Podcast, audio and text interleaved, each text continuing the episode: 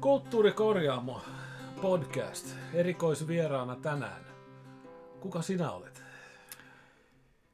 Kiitoksia, olen Kuusasalo Pekka, ihan paljasjalkainen kokkolalainen, syntynyt tuolla Karlelan puolella ja, ja oikeastaan elämäni elänyt täällä. Oli tietysti jotain aikoja, kun olin jonkun aikaa poissa, mutta kylläpä sitä kokkolalaiseksi tituleeraa ihan täysin tänä päivänä. Kiitos kutsusta tänne sun kulttuuripyhättöön. Joo, tervetuloa. Ja sä oot monelle tuttu näistä kulttuuritapahtumista ja, ja oot monessa ollut mukana täällä. Ja, ja tota niin, mutta voisitko sä kertoa vähän, että miten sä ajaudut tälle alalle? Joo, no siinä on pitkää, pitkää tarinaa ja monien tapahtumia niin kuin yhteen nivoutuminen. Musiikki on aina ollut mulle hirveän tärkeä elämässä. Että, että se oli jo nuoruudessa aikoinaan silloin, kun Beatles löi itsensä läpi, niin kyllä se, se vei lujaa kyytiä mukanaan. Ja vuosien varrella musiikista on semmoinen tärkeä osa tullut, että jonkun verran soittelin myös itsekin ja löytyypä tänä päivänäkin vielä styrkkari ja kitara kotoa, mutta tuota, jäänyt vähemmälle.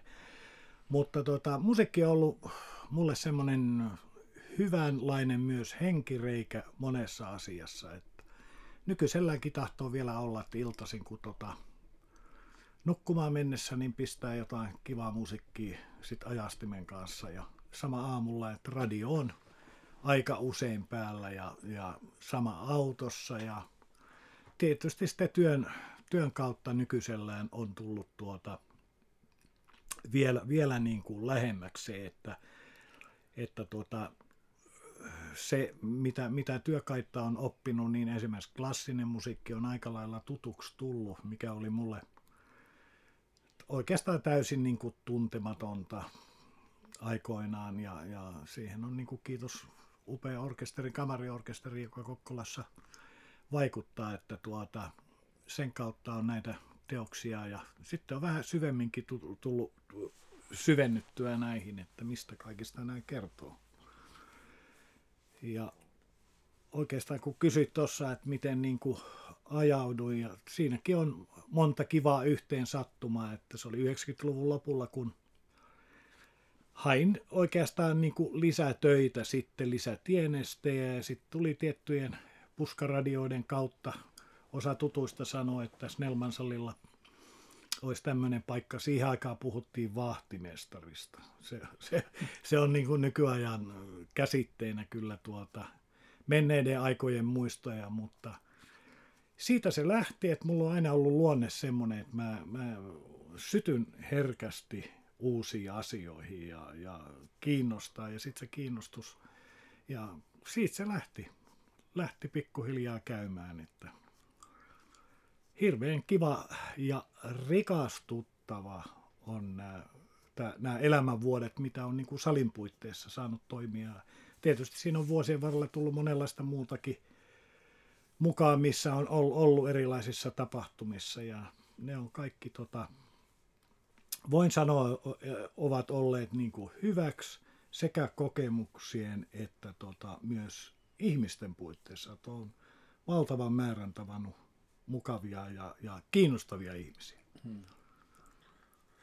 No siis minä vuonna sä aloitit siellä vahtimestarina sitten? Hmm. Se oli 99 ja, ja tota, syksyä mentiin silloin ja, ja muistan sen ensimmäisen tuota, konsertin, mikä oli silloin, se oli Juha Kankaan johtama ja Marko Ylönen oli sellossa ja, ja kun oli hirveä kiinnostus tavallaan sitä työtä kohtaan, mutta sitten kun ei ollut oikein se, silleen niin kuin käsitystä, että mitä kaikkea se on. Ja, ja kyllä mä voin tänä päivänä äh, sen allekirjoittaa, että kaikki oikeastaan on menty niin kuin oppimisen kautta, osa kantapään kautta ja tietyistä asioista on tullut niin kuin rutiineja – et siihen aikaan, kun aloitin, niin sinähän toimi Kokkolan kauppaappilaitos ja vielä ammattikorkeakoulun yksikkö. Myöhemmin sitten ammattikorkean taiteen yksikkö. Et sitten tietysti ammattiorkesteri, niin kuin Guardia, toi kamariorkesteri, joka tuota konsertoi säännöllisesti siellä, niin se toi niin kuin lisänä siihen, mutta muut oli sitten, että meillä oli valtavat määrät erilaisia tapahtumia, oli seminaareja, oli pienimuotoisia messuja, luennoita, että se, se kyllä niin kuin sali eli sen 24 tuntia, että siellä oli niin kuin viikossa useampia tapahtumia. Ja mä silloin mietin sen ensimmäinen kolme kuukautta, kun tehtiin semmoinen NS-koeaika ja luoja lykky, että, että tuota, sillä hetkellä niin kuin lapseton pariskunta oltiin.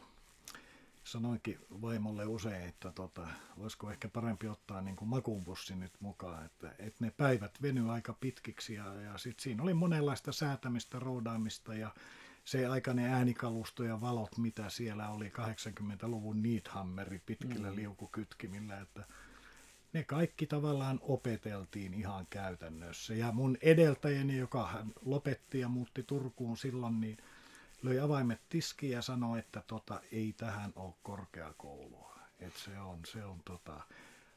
Ja näin allekirjoitan kyllä, että asenne ratkaisee hmm. hyvin monessa. Hmm. Se oma suhtautuminen ja oma avoimuus sitten sille, että, että hyvin, hyvin mielenkiintoinen ja tänä päivänä kyllä todella hyviä muistoja on niin kuin vuosien takaa. Että se, se, jos puhutaan työstä, on se sitten mitä, niin mulla on, voi sen kyllä tä, täysin sanoa sillä että eipä niitä semmoisia aamuja ole ollut, että sanottaisiin, että niin viluttaa lähteä töihin. Hmm. Hmm. Joo, no varmasti tässä 20 vuodessa, niin tässähän on ohjelmatarjonta muuttunut aika paljon myöskin. Että jos vertaa, että mitä, mitä konsertteja ja seminaaria tapahtumia oli siihen aikaan, niin miten paljon tämä on muuttunut sun mielestä? No, mulla on se 2000-luku siinä ja sitten mitä mä oon vanhoja tuota, katsonut näitä tilastoja, vanhoja vieraskirjoja osittain, niin tietysti se, että kun salilla oli monta käyttäjää, se myös rajasi sitä käyttöä. Mm. Että tota, se karsi tiettyjä juttuja pois sieltä, mutta 2000-luku on sellainen äh, alku, mistä mulla aika säännölliset vuosittaiset tota, tapahtumien, varsinkin musiikin alalta on, että siitä alkoi semmoinen nousu. Ja viime vuonna kun ajattelin näitä, tuo sali on valmistunut 1981, niin näiden vuosien aikana siellä on yli 2000 erilaista tapahtumaa järjestetty ja aika matalalla keskiarvolla, kun laski, että näitä kävijöitä myös on varmasti yli miljoona. Mm. Että siinä mielessä se on aika hyvä, hyvä tota, mittapuu, kun ajattelee sitä, mutta 2000-luku esimerkiksi nämä viihteelliset konsertit alkoi lisääntyä. Et niitä tuli, tuli tota, todella paljon kyselyitä sillä lailla vapaista ajoista. Ja tietysti tuossa salin, salin kanssa, kun on vielä tähän päivään asti menty se, että siinä kun se on kamariorkesterin kotisali, niin heidän kanssa käydään tietyt päivät läpi, mutta sitten niitä vapaita viikonloppuja, mitä jää, niin niistä on sitten aina pyritty, pyritty tota täyttämään ja kyllä ne hyvin on täyttyneet, että nämä viimeiset vuodet, sanotaan 2017, 18 ja 19, ne oli aivan huippuvuosia. Mm. Että konserttitapahtumat kaikkinensa, niin siellä mentiin yli 80. Ja periaatteessa kun kesällä meillä ei oikeastaan tapahtunut muutamaa oopperakesää poikkeus tai laskematta, niin, niin se on oikeastaan tammikuusta toukokuun loppuun ja taas syyskuun alusta joulukuun loppuun. Nämä kaksi periodia, eli syys- ja, ja kevätkaudet, mihin, mihin nämä tapahtumat ajoittuu, niin tosiaan siellä mentiin yli 80 ja näitä käyttöpäiviä kaikennäköisen kulttuuriin ja muuhun harrasteihin, niin niissä mentiin yli 150 kevyesti. Joo. Joo, aika uskomatonta.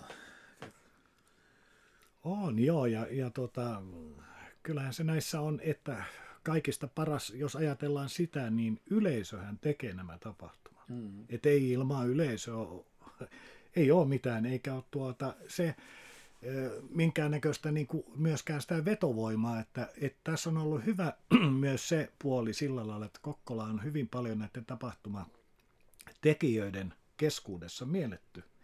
Ja se puskaradio, mitä esimerkiksi tuolla artisteja ja näiden muiden tuottajien kautta tänä päivänä menee, niin kyllä Kokkola mielletään todella hyväksi tapahtumakaupungiksi ja sellaiseksi, että mihin kannattaa tulla ja tehdä ja toteuttaa. Se on tietysti sitten, mä en koskaan sitä ajatellut, että e- eri tuota, musiikkityylejä ja suuntia kuin on, että mitkä on, on tuota, minusta makuja on monenlaisia, ihan niin kuin ruuassakin, että, että kaikille kuitenkin on se kuulija kuntaansa löytynyt ja, ja eipä täältä oikein niin kuin suumutrussa minusta tuntuu, että koskaan kukaan lähtenyt pois. Hmm. No tarviiko sun mielestä Kokkola saada isompaa salia? No mun mielipide on ollut ja, ja mitä sieltä 2000-luvulta asti näiden sen aikaisten Kokkolan päättäjien ja virkamiesten kanssa jutusteltu, niin kaikki hän antoi valtavan tota, hyvän kannustuksen ja, ja sen, että Kokkolassa tapahtuu ja on ja näin, mutta sitten tietysti tämmöiset salin kehittämiset ja nämä, sieltähän on, on muutamia suunnitelmia tehty, niin ne jäi aina jonnekin ne hautautu sitten, että ehkä se kuitenkin sitten että tietyllä virkamiehellä ei, ei sitä intressiä ollut, ollut lähteä kehittämään näitä. Mun mielestä Kokkola tarvitsisi semmoisen erityisen, sanotaan, millähän nimellä sen sanoisi, se sali voisi olla monikäyttöinen. Eli että siihen pystyisi yhdistää klassisen musiikin, kevyen musiikin, tanssin ja myös tämmöiset tietyn tyyppiset luennot, seminaarit, mutta kapasiteetiltaan se pitäisi minimissään olla silloin tuhannen henki. Joo.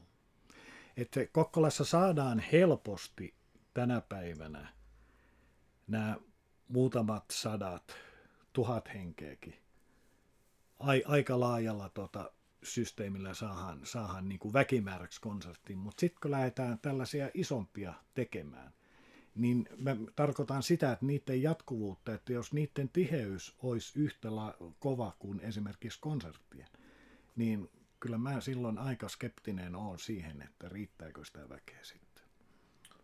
Kuinka moni, jos me nyt katsotaan joku tällainen syyskausi konsertteja vuonna 18 tai 19, niin kuinka moni niistä oli loppuun myytyjä? No meillä on 600 paikkainen sali tänä päivänä, mikä vetää, mutta esimerkiksi 18 19, näissä keskiarvo meni noin 300. Eli se on puolet siitä salin kapasiteetista, jos tänä päivänä lasketaan se, että kiertueella on artistilla oma tekniikka, bändi, niin 300 on kyllä se kipuraja hmm. aika lailla silloin, että tota, siitä on helppo, helppo laskea sen.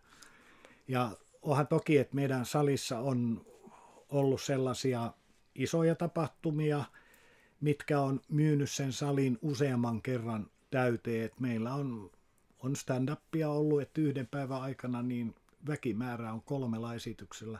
Se on jopa mennyt yli 2000. Hmm. se on a- aika kova, hurja saavutus. Joo. Joo. Mutta tuota, se, että se 300 keskimäärin on ollut se keskiarvo näinä parhaimpina vuosina. Mutta tietysti se sitten, että myös se, että ne kulungit ja kustannepuolet on jollain hyvinkin paljon alemmat, että jollain riittää se 150-200 henkeäkin. Ei se, on, se ei ole siitä, siitä kysymys, että, että näissä saleissahan hyvin paljon mulla on ollut onnia ilo vuosien varrella tutustua moniin saleihin Suomessa, että, että näissähän on tietysti se hinnoittelu hyvin monessa se, että on sitten 50 henkeä sulla siellä sisällä tai se 800 henkeä, niin se hinta on sama. Mm.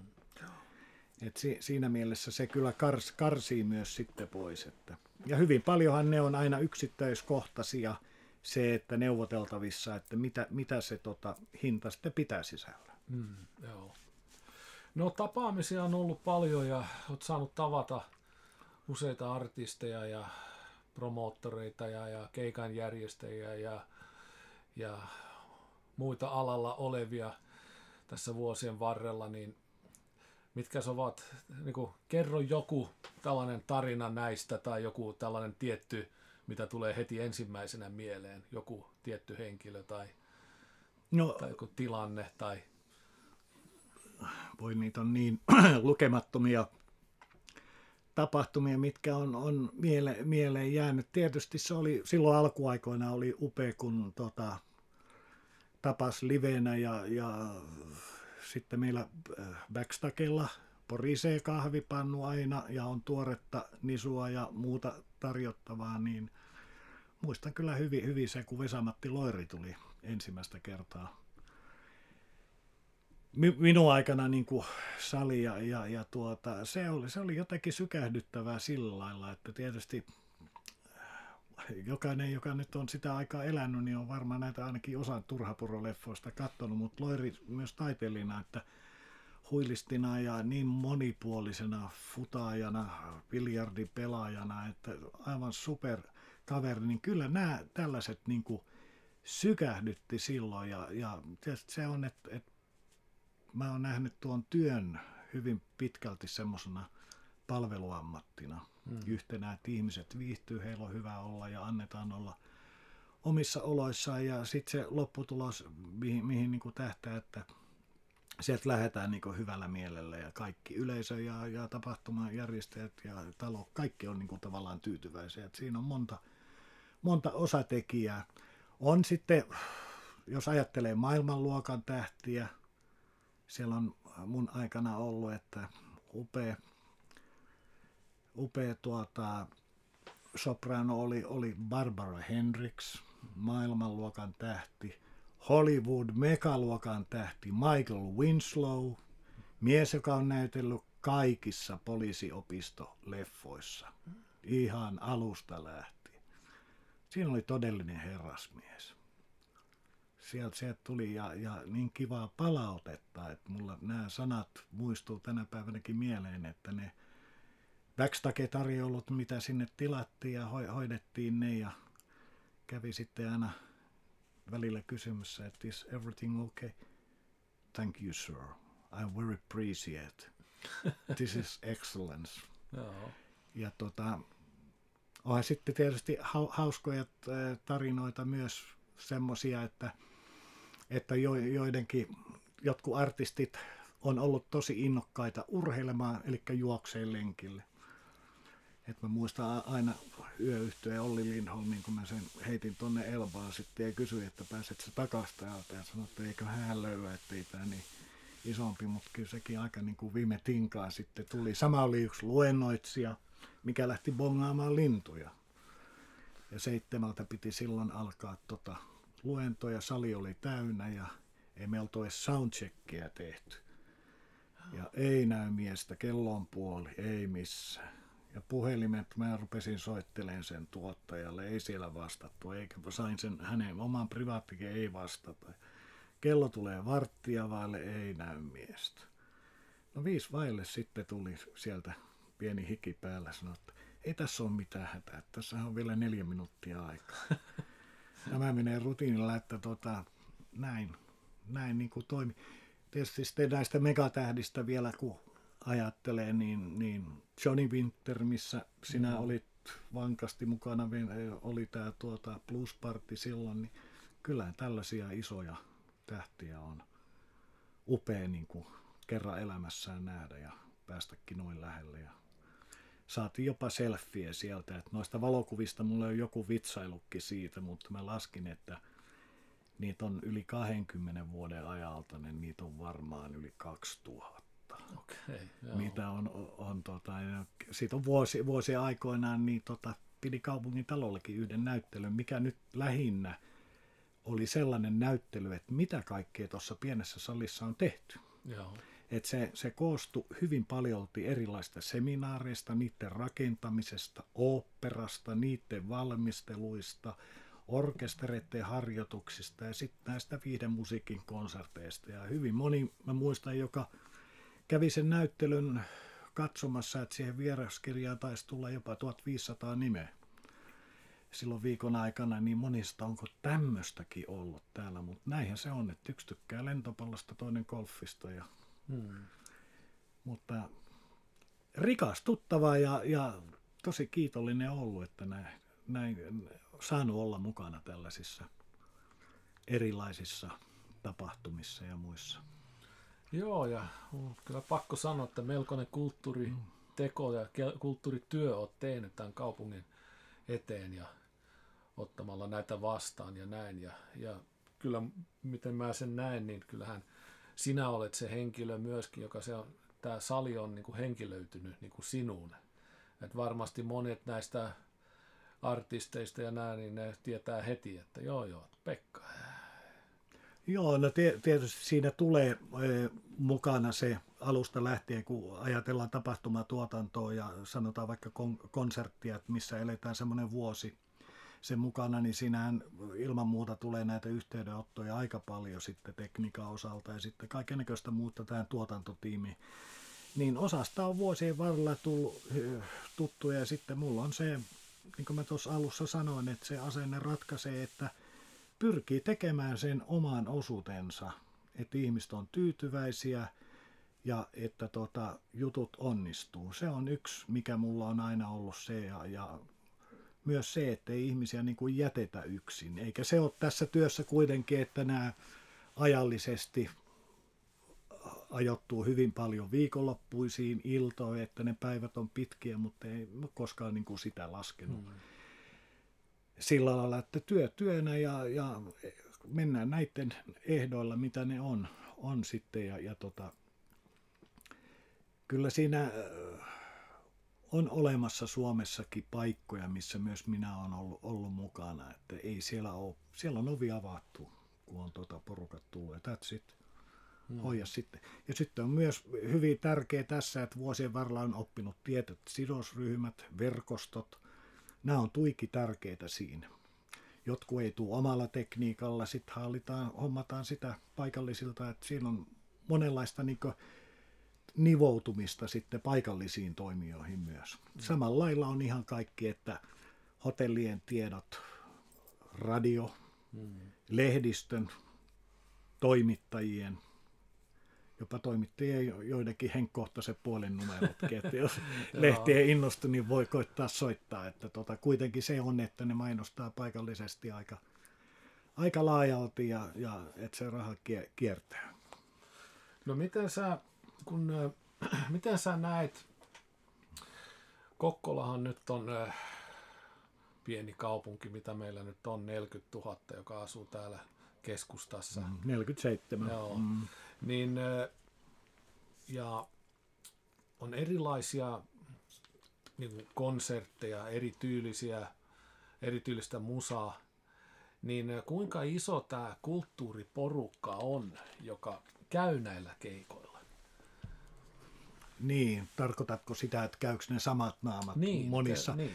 On olemassa ihmisiä kyllä, tuota, ketkä käy sekä sanotaanko näin klassisissa että viidekonserteissa ja, ja stand-upissa näissä, mutta sitten on myös varmasti, niin kuin puhutaan tästä nuoremmasta sukupolvesta, niin meillä näitä ei liemälti, miten mä nyt sanoisin, tällaisia bilekonsertteja ole ollut, että muutamaan ne on ollut, että missä porukka on niin kuin tavallaan ilman istumapaikkoja ollut, että meillä salissa on keskitytty lähinnä siihen, että se tapahtuma, mikä siellä on, niin se on konsertti. Mm. Että siihen keskitytään siihen musiikkiin rauhassa ilman minkäänlaista tausta hälinää tai, tai muuta.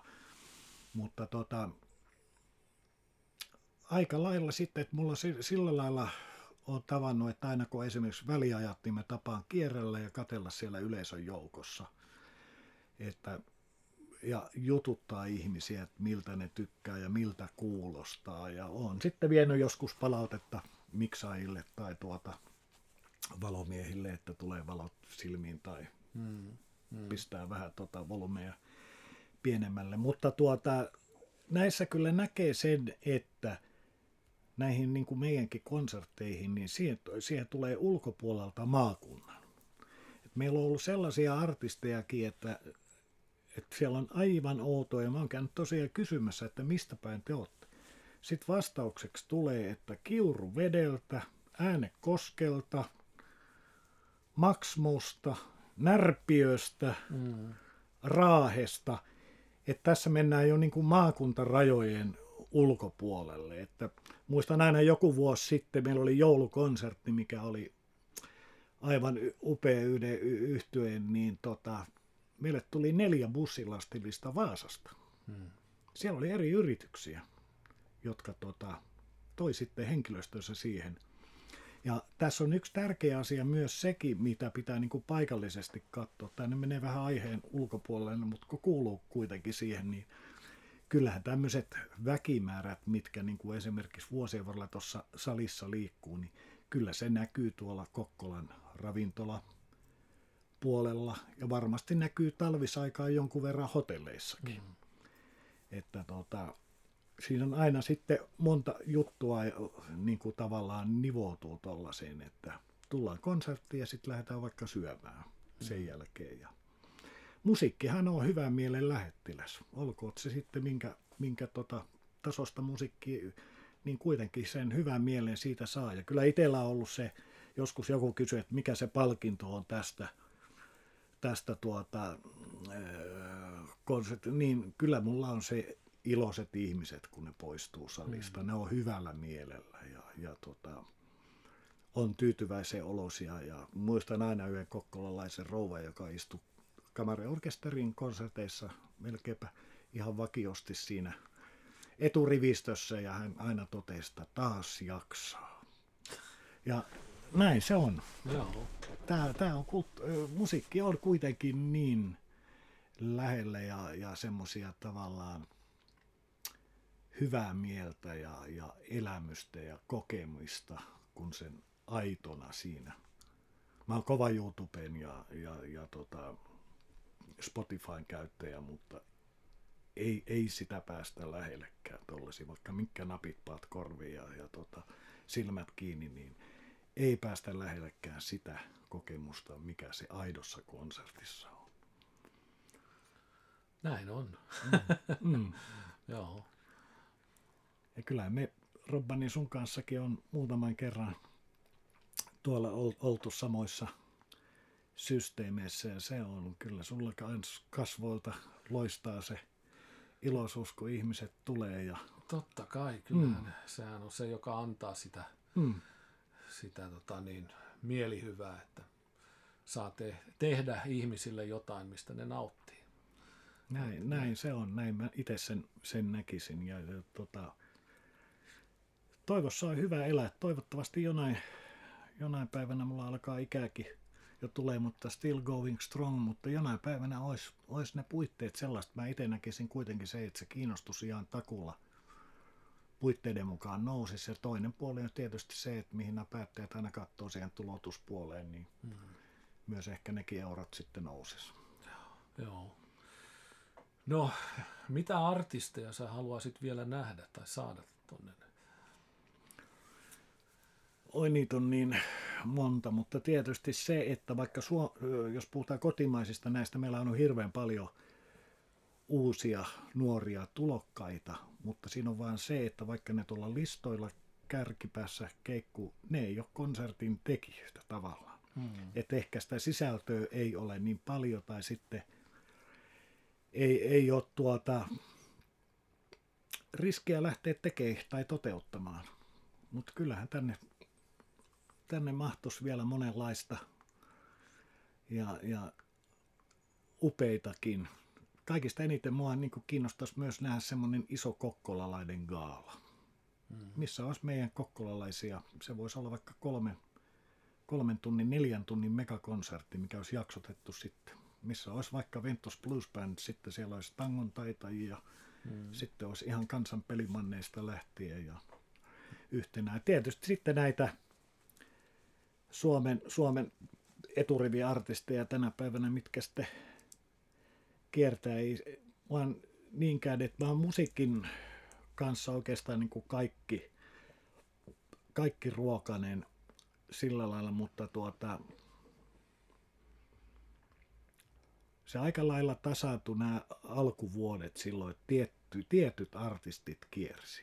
Ne oli mm. vuodesta toiseen. Kari Tapio, Jari Sillanpää, Loiri. Se oli joka vuosi lähes oli meillä. Meillä. Et sitten siihen al- alkoi tule, tulla, maailma muuttui ja musiikin tekijät muuttuu. Jotkut tippuu pois sitten sieltä, mutta kyllä näitä uusia, uusia nyt on, on tulollaan aika moniakin. Ja tällaisia, mitä mä nyt katsonut tämän kesän näitä festari esiintyjä, niin sam- samat kasvot ehkä sitten nähdään syksyllä konsertin muodossa hmm. meillä. Että. Mutta ei, meillä on, olisi se upea johonkin Kokkolan jäähalliin, 3000 ihmistä ja sitten olisi, se voisi olla vaikka joku Brian Adams. Hmm. Elton John. Eikö se lopettanut jo? niin, no joo, se, mutta tota, Tom Jones alkaa olla jo liian, liian ikä, ikänsä puolesta siinä, mutta se on aina näissä, on toteuttamiskelpoisia ideoita, idean rikkaita ihmisiä, joilla on monenlaista. Ei se, se ei aina vaadi sen ison starankaan hyvä toteutus. Se on oikea ajankohta, oikea musiikki ja sitten se toteuttamistapa ja markkinointi, niin sillä tehdään. Meillä on ollut esimerkiksi Kokkolahan ei oikein kova, niin kuin, miten mä sanoisin, jatskaupunkina ole. Mutta meillä oli jotain vuosia sitten tosi kiva konsertti ja, ja siihen lähti eräs kokkolalainen pitkällinen muusikko, joka lähti tavallaan niin kuin tuottamaan sen täällä päässä. Ja mä näin siinä konsertissa oli yleisönä sellaisia ihmisiä, että mä koskaan niitä ennen nähnyt, mutta se oli just näin, että oli myyty oikeisiin paikkoihin. Siellä oli eri, eri firmoista hallittu. Se oli sali täys. Hmm. Et se on just se tekeminen hmm. ja, ja kohdentaminen sitten. Niin. Et näitä tekijöitä, tekijöitä varmasti on, on nuorissa polvassa ehkä tulevana ja, ja uskoisin näin. Elävä musiikki ei häivy mihinkään. Hmm. Siihen mä uskon, se tulee aina olemaan. Mutta sitten nyt varsinkin, kun tämä korona-aika on kurittanut aika raskaalla käällä sitä, että tota, kristallipalloa meillä kellään ei ole. Että tämäkin on ollut aika, viime vuosi oli sellainen vuosi kuin se oli, mutta samassa veneessä kaikkien kanssa oltiin, että me 12. päivä kolmatta oli viimeinen konsertti ja sen jälkeen loppu kuin seinään. Hmm. Syksyllä oli jonkun verran sitten, oli, oli tota viihteellistä ja klassista ja stand-upia, missä oli yleisöt paikalla, mutta sitten nämä rajoitukset taas kiristyi ja nyt on striimaus ollut se kova sana sitten, että näitä on tavallaan sitten päässyt tuolta YouTuben kautta linkittämällä katsoa. Joo, mutta kuten sanoit, niin se ei vastaa sitä, mitä elävä musiikki antaa. Että... Ei, ei missään nimessä. Ja näin, näin. Ja mä uskoisin, että ihmisillä on kova kulttuurinälkä, on sitten teatterista tai tota, musiikkikonserteista kaikkinensa, niin uskoisin, että niillä on aika kova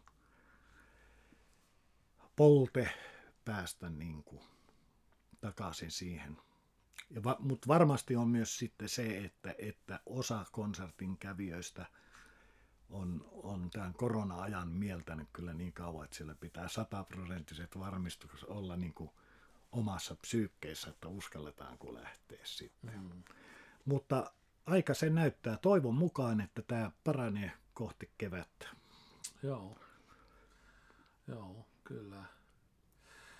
Joo, tässä lopussa vielä niin voisi kysyä, että mikä on onnistuneen tapahtuman resepti? Jaa, siinäkin tarvittaisiin sitä kristallipalloa. Että jotkut, jos mä sanoisin sen, että mitä mä oon miettinyt ja nähnyt silleen, että tuleeko, jos ajattelee silleen, niin joskus mielessäni, että tuleeko ketään. Mm. Mutta se on ollutkin sitten loppuun myyty.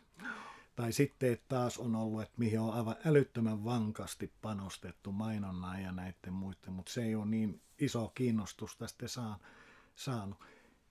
Kyllä se on tietysti ajassa oleminen ja, ja sitten se kohderyhmä, että mille se kohdennetaan. Se, jos nyt musiikista tavallaan puhutaan, niin, niin markkinointi on yksi sitten ja se, että eihän ei tänä päivänä mä uskon kukaan enää oikein luota siihen, vaan että pannaan lehteen ilmoitus ja että meillä esiintyy semmoinen ja semmoinen täällä liput saat sieltä.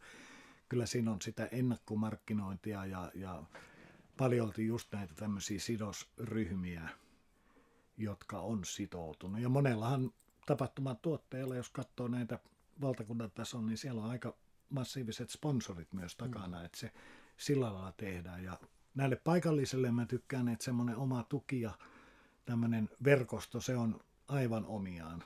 Että se on kuitenkin sillä lailla, jos ajatellaan, että lähdetään eri tasolta sitten tekemään sitä, niin nämä vaatii kyllä, kyllä niin tukia. Mutta enpä osaa tuohon, niin kuin mä sanoin tuossa alussa, lähinnä kai se on siinä ajassa ja mikä on, on tota sen, jos nyt artistista puhutaan, niin sen hetkinen hmm. tilanne. Hmm. Ja, ja mutta sekin on, että niin kuin sanoin, että vaikka miten keikutaan levylistojen kärjessä tänä päivänä tuolla, niin näistä ei sitten konserttien toteuttajiksi ole. Ei, biljoona striimausta ei, niin, ei, ei välttämättä ei. merkkaa mitään Kokkolassa. Ei, kyllä se, se, se on näin. Ja, ja, mutta tota, toivotaan, että tulevassa on. Meillä, meillä on paljon tosiaan hienoja ja sama Kokkolan ö, omia, omia, mitä on tuota tapahtuman tuottajia ja, ja muusikoita ja bändejä, niin näissäkin voisi vois tuolta saada semmoisia aika kivoja mm-hmm. juttuja ja, ja kohdentamalla ja ennen kaikkea tekemällä sitä pohjatyötä niin, ettei siellä sitä riskiä sitten ole, että Joo. kenenkään kassa sitten tyhjenee siitä. Joo. Mutta täytyy sanoa se, tuossa kun en, ennen tätä haastatteluakin puhuttiin, että että tämä työ, niin kuin, mille se on antanut, niin mä sanon aina sen, että kun puhutaan ja, ja kirjoitetaan paljon siitä, että kulttuurin ja musiikin olko, tai mu, muun kulttuurin parissa olevat ihmiset niin kuin voi ja jaksaa hyvin, niin mä voin omalta kohdalta kyllä sen allekirjoittaa, että yli 20 vuotta sairas poissaolot Snellmansilta, puhdas nolla. Joo, kyllä. Joo. Ja siinä on jonkun verran myös myös vaikutusta niillä elintavoilla ja sille pyrkinyt sitä omaa elämää tasapainottamaan ja, ja hyvinvointia niin kuin luomaan, että hmm. ei turhaa stressiä. Alkuaikoina sitä kyllä polttikin aika paljon ja mietti, että miten näistä. Ja joskus ne tuli uninkin, mutta hmm. niin ne rauhoittu sitten. Tehdään yksi asia, semmoinen, että tehdään yksi asia kerralla hyvin, kun useita sitten huonosti, että repis sinne tänne. Hmm. Että jotenkin ne vaan aina loksahtaa. Ja se rikkaus siinä, että koskaan ei ole samanlaista päivää. Hmm. Nämä on erilaisia. Tämä sopii mun luonteelle. Mulla on kyllä niin vilkas luonne, että se on kiva katsoa, kun tuota jutut ja tapahtumat ja kasvot vaihtuu. Ja... Et se, on, se on ollut, ollut yhtenä semmoisena voimanantajana myös. Joo, kiitos. Kiitos itsellesi. Hyvää kevättä.